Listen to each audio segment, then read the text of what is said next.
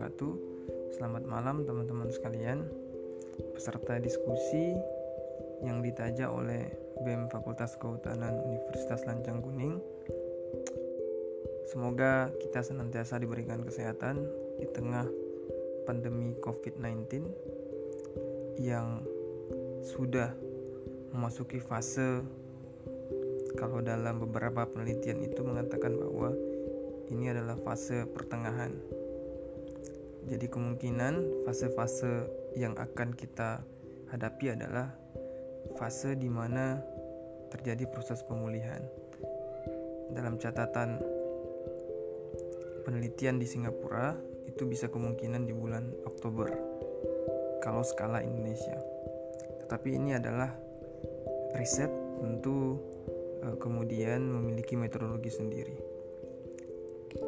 Nah, pada kesempatan ini saya mengucapkan terima kasih banyak kepada BEM Fakultas Kehutanan Unilab yang telah menaja diskusi ini dan kemudian eh, harapannya tentu diskusi ini memberikan semangat baru, pandangan baru dan memantik keilmuan kita tentang bagaimana ternyata persoalan-persoalan lingkungan muncul kemudian di tengah terjadinya wabah pandemi COVID-19 ini. Apa yang kemudian menjadi isu, kemudian menjadi hal-hal yang kemudian eh, sangat penting untuk kita diskusikan dan menjadi sesuatu yang kiranya uh, menjadi sebuah perbincangan di kalangan uh, tidak hanya di kalangan peneliti, di kalangan penggiat lingkungan, bahkan di kalangan medis.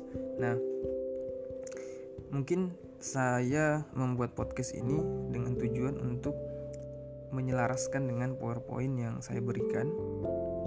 Ini berkaitan dengan uh, judul yang diberikan oleh uh, panitia itu tentang COVID-19 dalam perspektif lingkungan serta dampaknya terhadap bumi.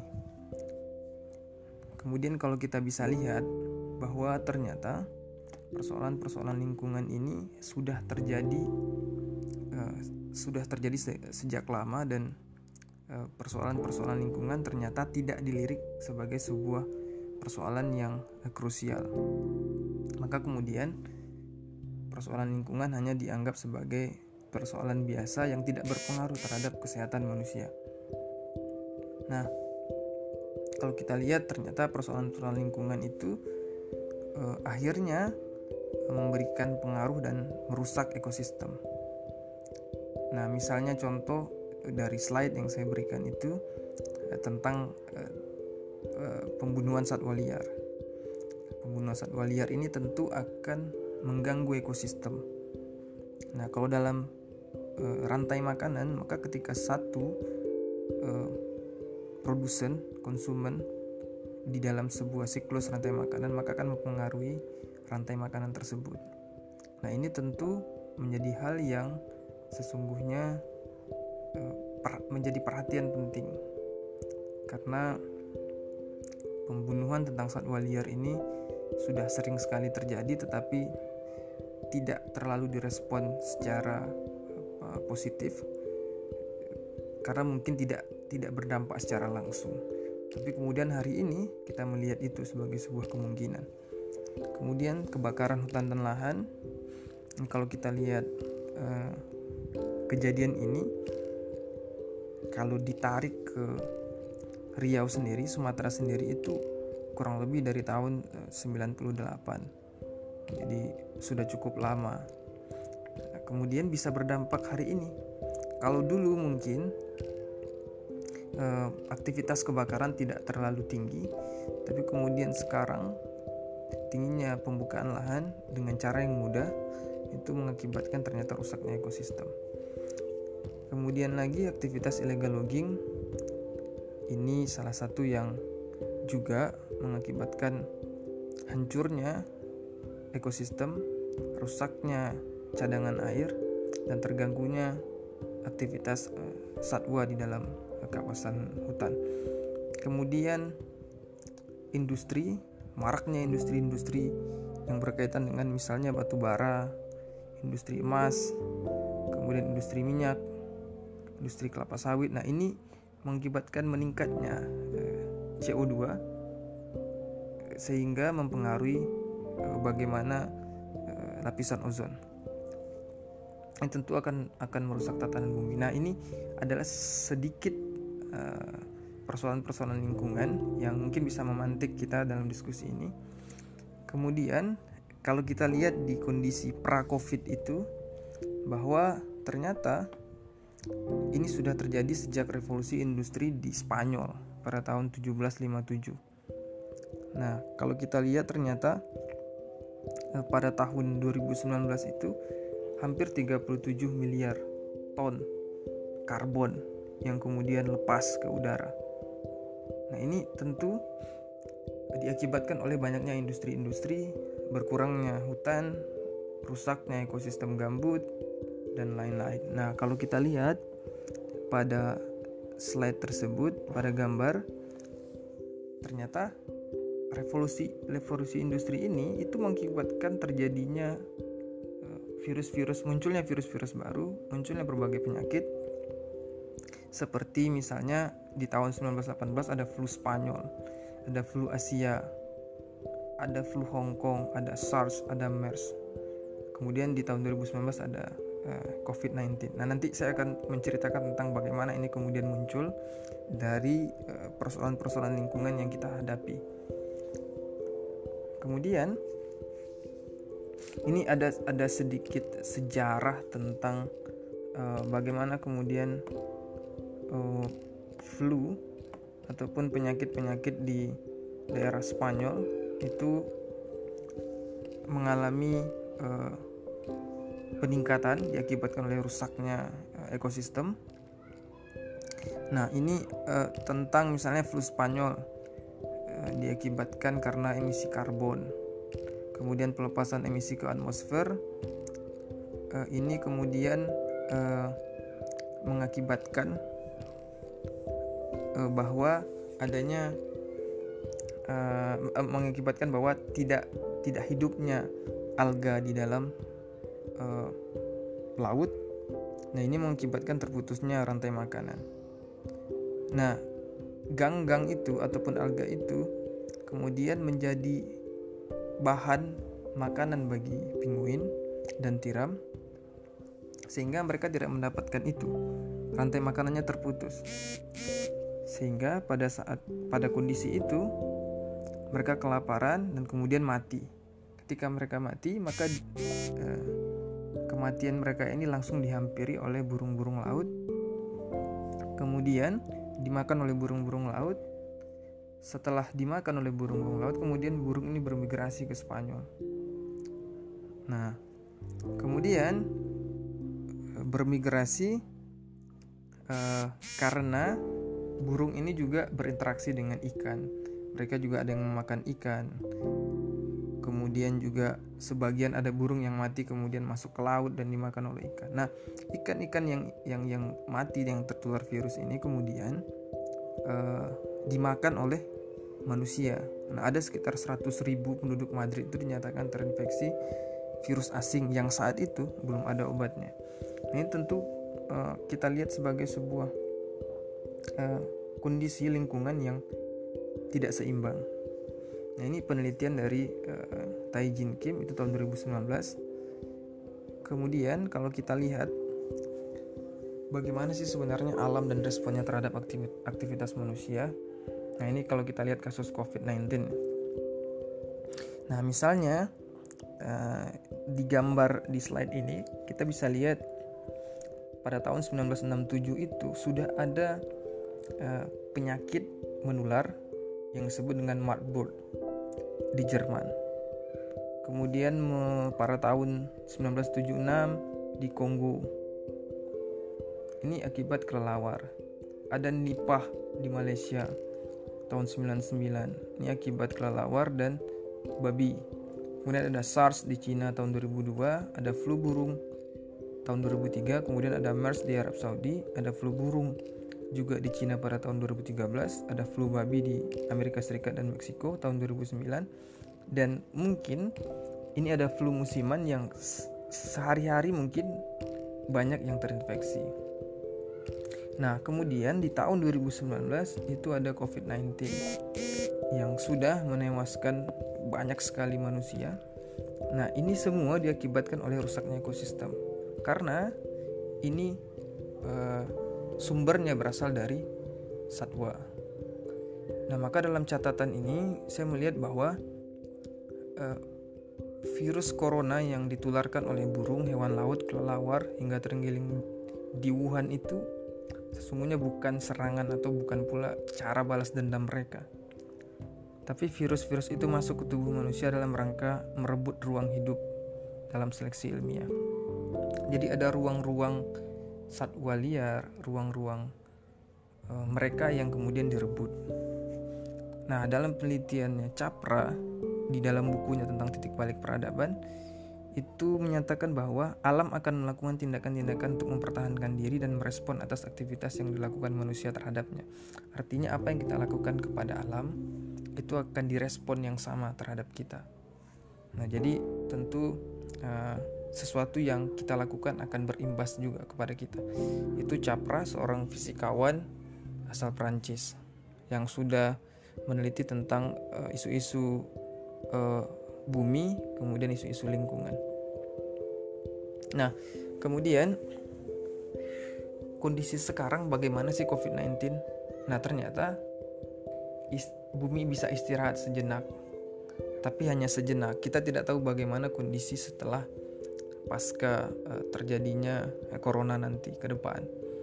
Apakah kemudian akan muncul industri besar-besaran atau tidak? Tetapi saat ini uh, bumi bisa beristirahat sejenak uh, di tengah uh, rusaknya ekosistem mereka. Nah, kalau kita lihat datanya itu ini dari karbon karbon brief Nah, jumlah konsentrasi CO2 naik menjadi 384 ppm. Kenaikan ini memicu suhu rata-rata bumi bertambah 0,8 derajat Celcius. Nah, itu kalau kita lihat sekarang itu kemudian berkurang. Nah, di bawahnya pantauan satelit terhadap karbon nitrogen oksida itu setidaknya 200 juta ton karbon berkurang di Cina. Jadi kalau kita lihat gambar ungu kemudian di tengah-tengahnya ada memerah orange. Nah, itu uh, kita lihat akhirnya sesudah 2020 itu dia hilang atau dia berkurang. Artinya ada karbon yang kemudian uh, apa namanya hilang di situ artinya berkurang. Kemudian ada nah bagaimana kondisi lingkungan di tengah covid sekarang? Ada sisi positif dan ada sisi negatifnya ternyata. Di beberapa tempat itu justru karbon dioksida karbon nitrogen oksida itu semua kemudian berkurang karena aktivitas polusi sangat rendah tapi di beberapa tempat ada juga yang kemudian meningkat. Misalnya di Sumatera itu terjadi kebakaran hutan dan lahan. Kemudian dari sisi negatifnya juga sampah. Sampah tentang kesehatan itu, sampah rumah sakit itu sangat bertumpuk saat ini. Jadi ini juga menjadi perhatian pada saat COVID-19. Kemudian apa yang harus kita lakukan untuk masa depan lingkungan? Perlunya melakukan gerakan.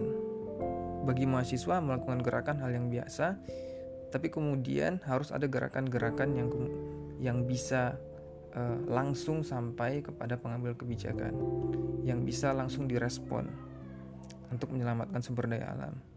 Kemudian penting untuk melakukan riset-riset terbaru tentang bagaimana sesungguhnya penyelamatan sumber daya alam ini untuk mengatasi krisis iklim.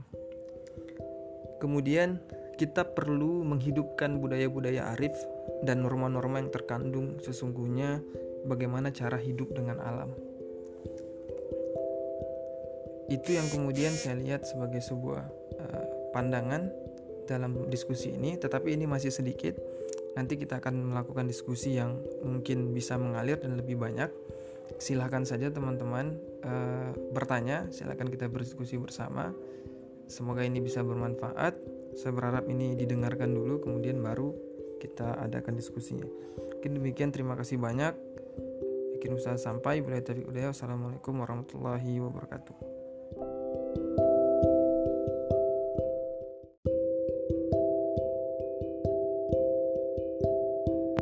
Bismillahirrahmanirrahim. Assalamualaikum wabarakatuh. Selamat malam teman-teman sekalian. Peserta diskusi yang ditaja oleh BEM Fakultas Kehutanan Universitas Lancang Kuning. Semoga kita senantiasa diberikan kesehatan di tengah pandemi COVID-19 yang sudah memasuki fase kalau dalam beberapa penelitian itu mengatakan bahwa ini adalah fase pertengahan. Jadi kemungkinan fase-fase yang akan kita hadapi adalah fase di mana terjadi proses pemulihan.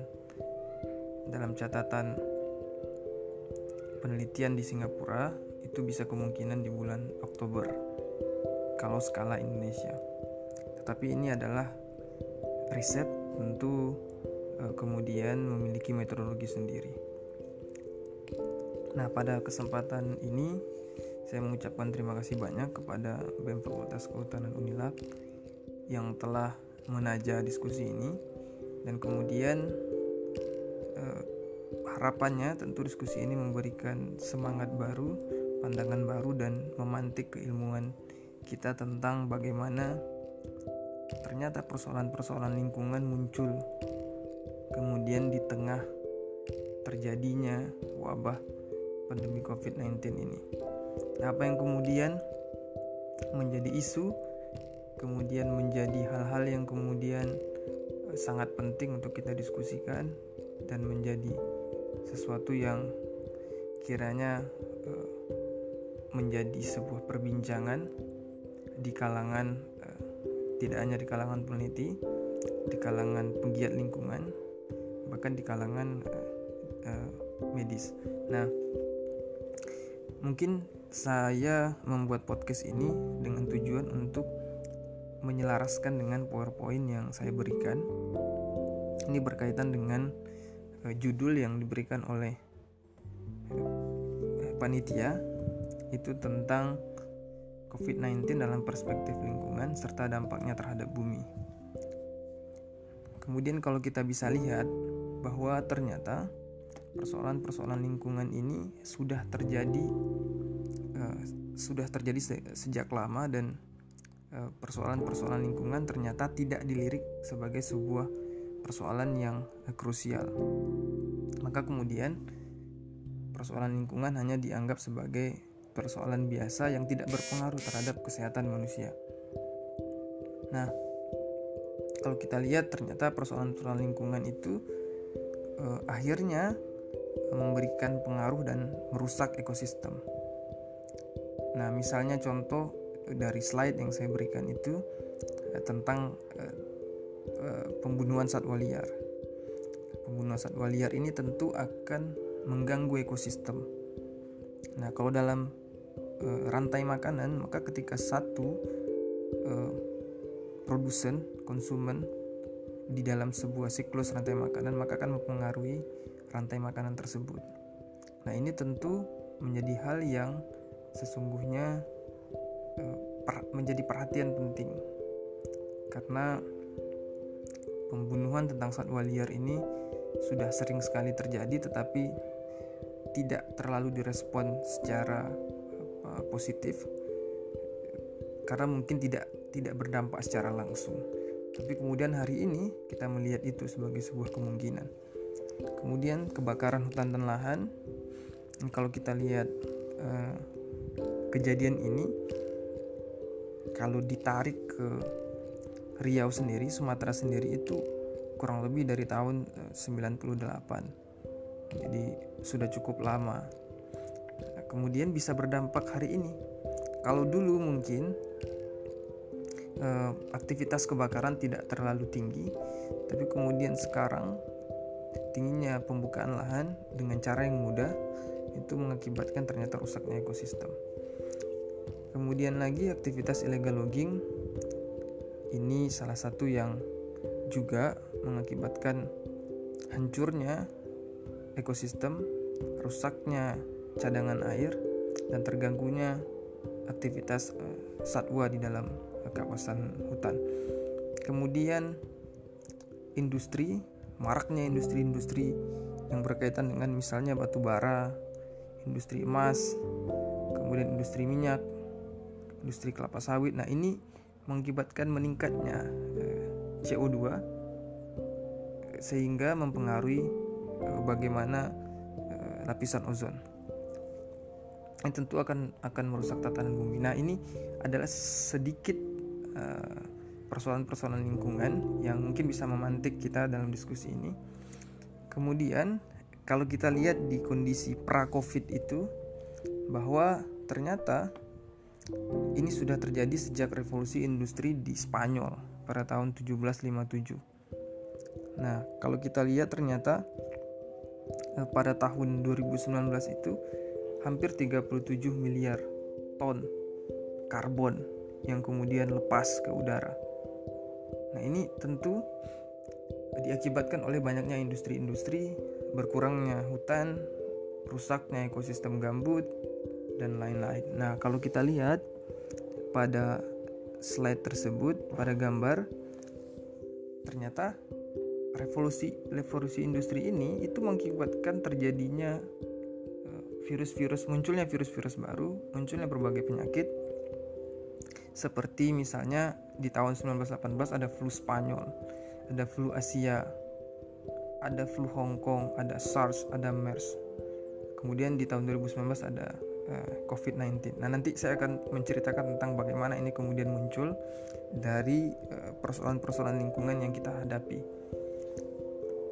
Kemudian ini ada ada sedikit sejarah tentang uh, bagaimana kemudian uh, flu ataupun penyakit-penyakit di daerah Spanyol itu mengalami uh, peningkatan diakibatkan oleh rusaknya uh, ekosistem.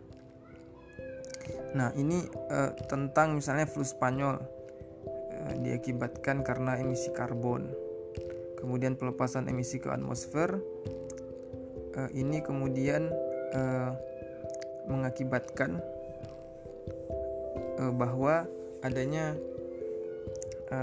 mengakibatkan bahwa tidak tidak hidupnya alga di dalam uh, laut. Nah, ini mengakibatkan terputusnya rantai makanan. Nah, gang-gang itu ataupun alga itu kemudian menjadi bahan makanan bagi pinguin dan tiram sehingga mereka tidak mendapatkan itu. Rantai makanannya terputus.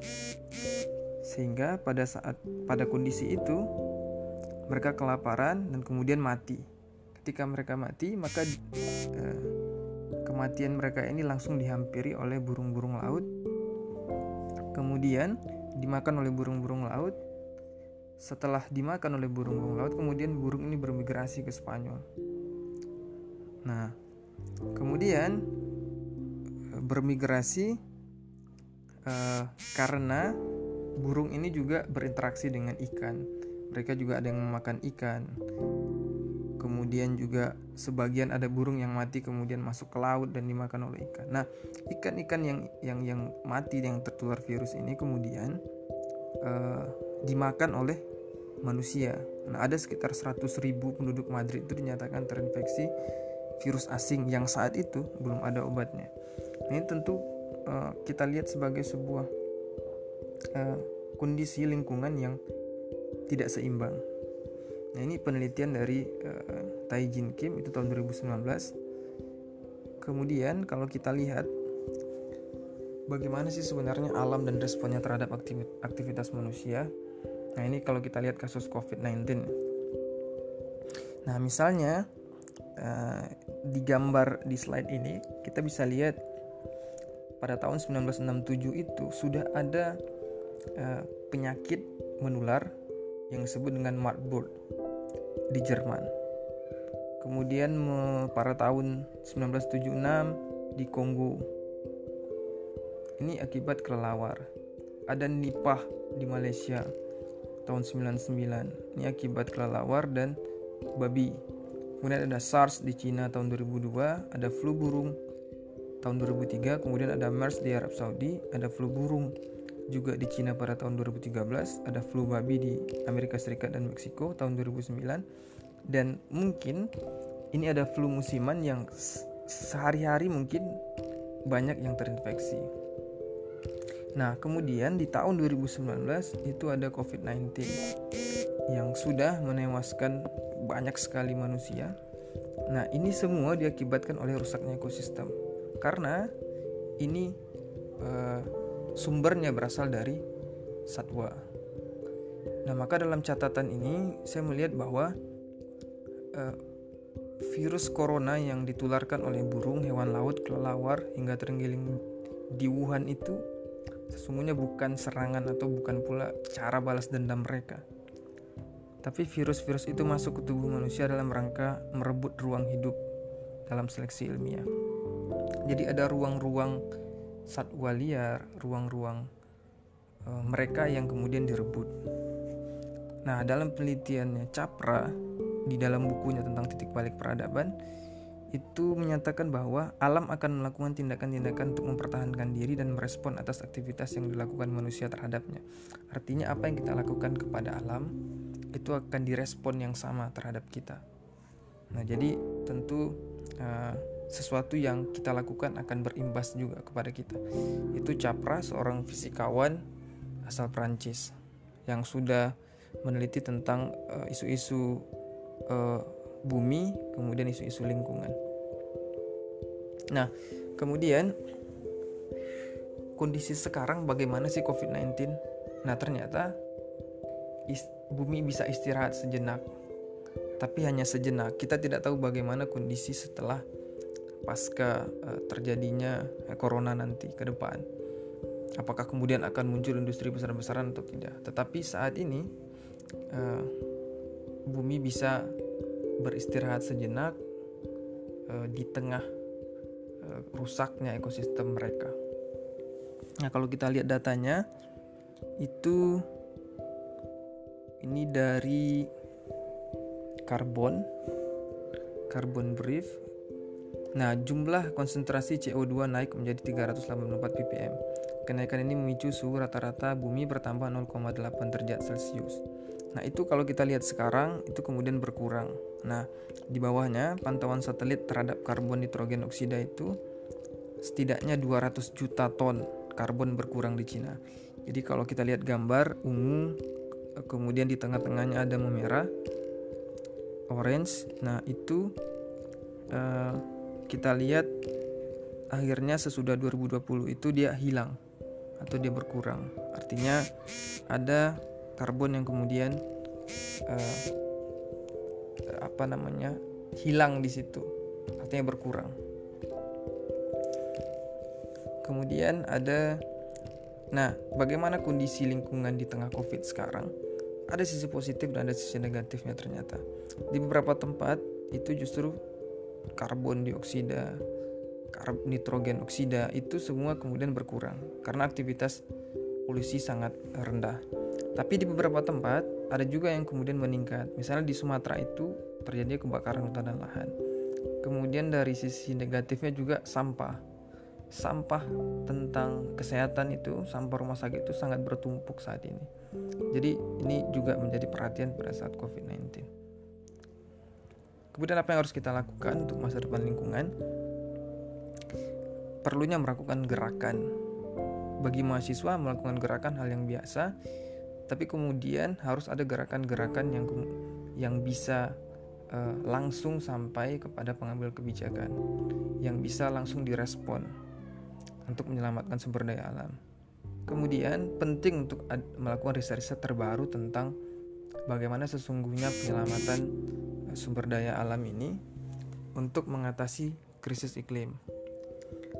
Kemudian kita perlu menghidupkan budaya-budaya arif dan norma-norma yang terkandung sesungguhnya bagaimana cara hidup dengan alam. Itu yang kemudian saya lihat sebagai sebuah uh, pandangan dalam diskusi ini, tetapi ini masih sedikit. Nanti kita akan melakukan diskusi yang mungkin bisa mengalir dan lebih banyak. Silahkan saja teman-teman uh, bertanya, silahkan kita berdiskusi bersama. Semoga ini bisa bermanfaat. Saya berharap ini didengarkan dulu, kemudian baru kita adakan diskusinya. Mungkin demikian, terima kasih banyak. Yakin usaha sampai. Bila taufiq Assalamualaikum warahmatullahi wabarakatuh.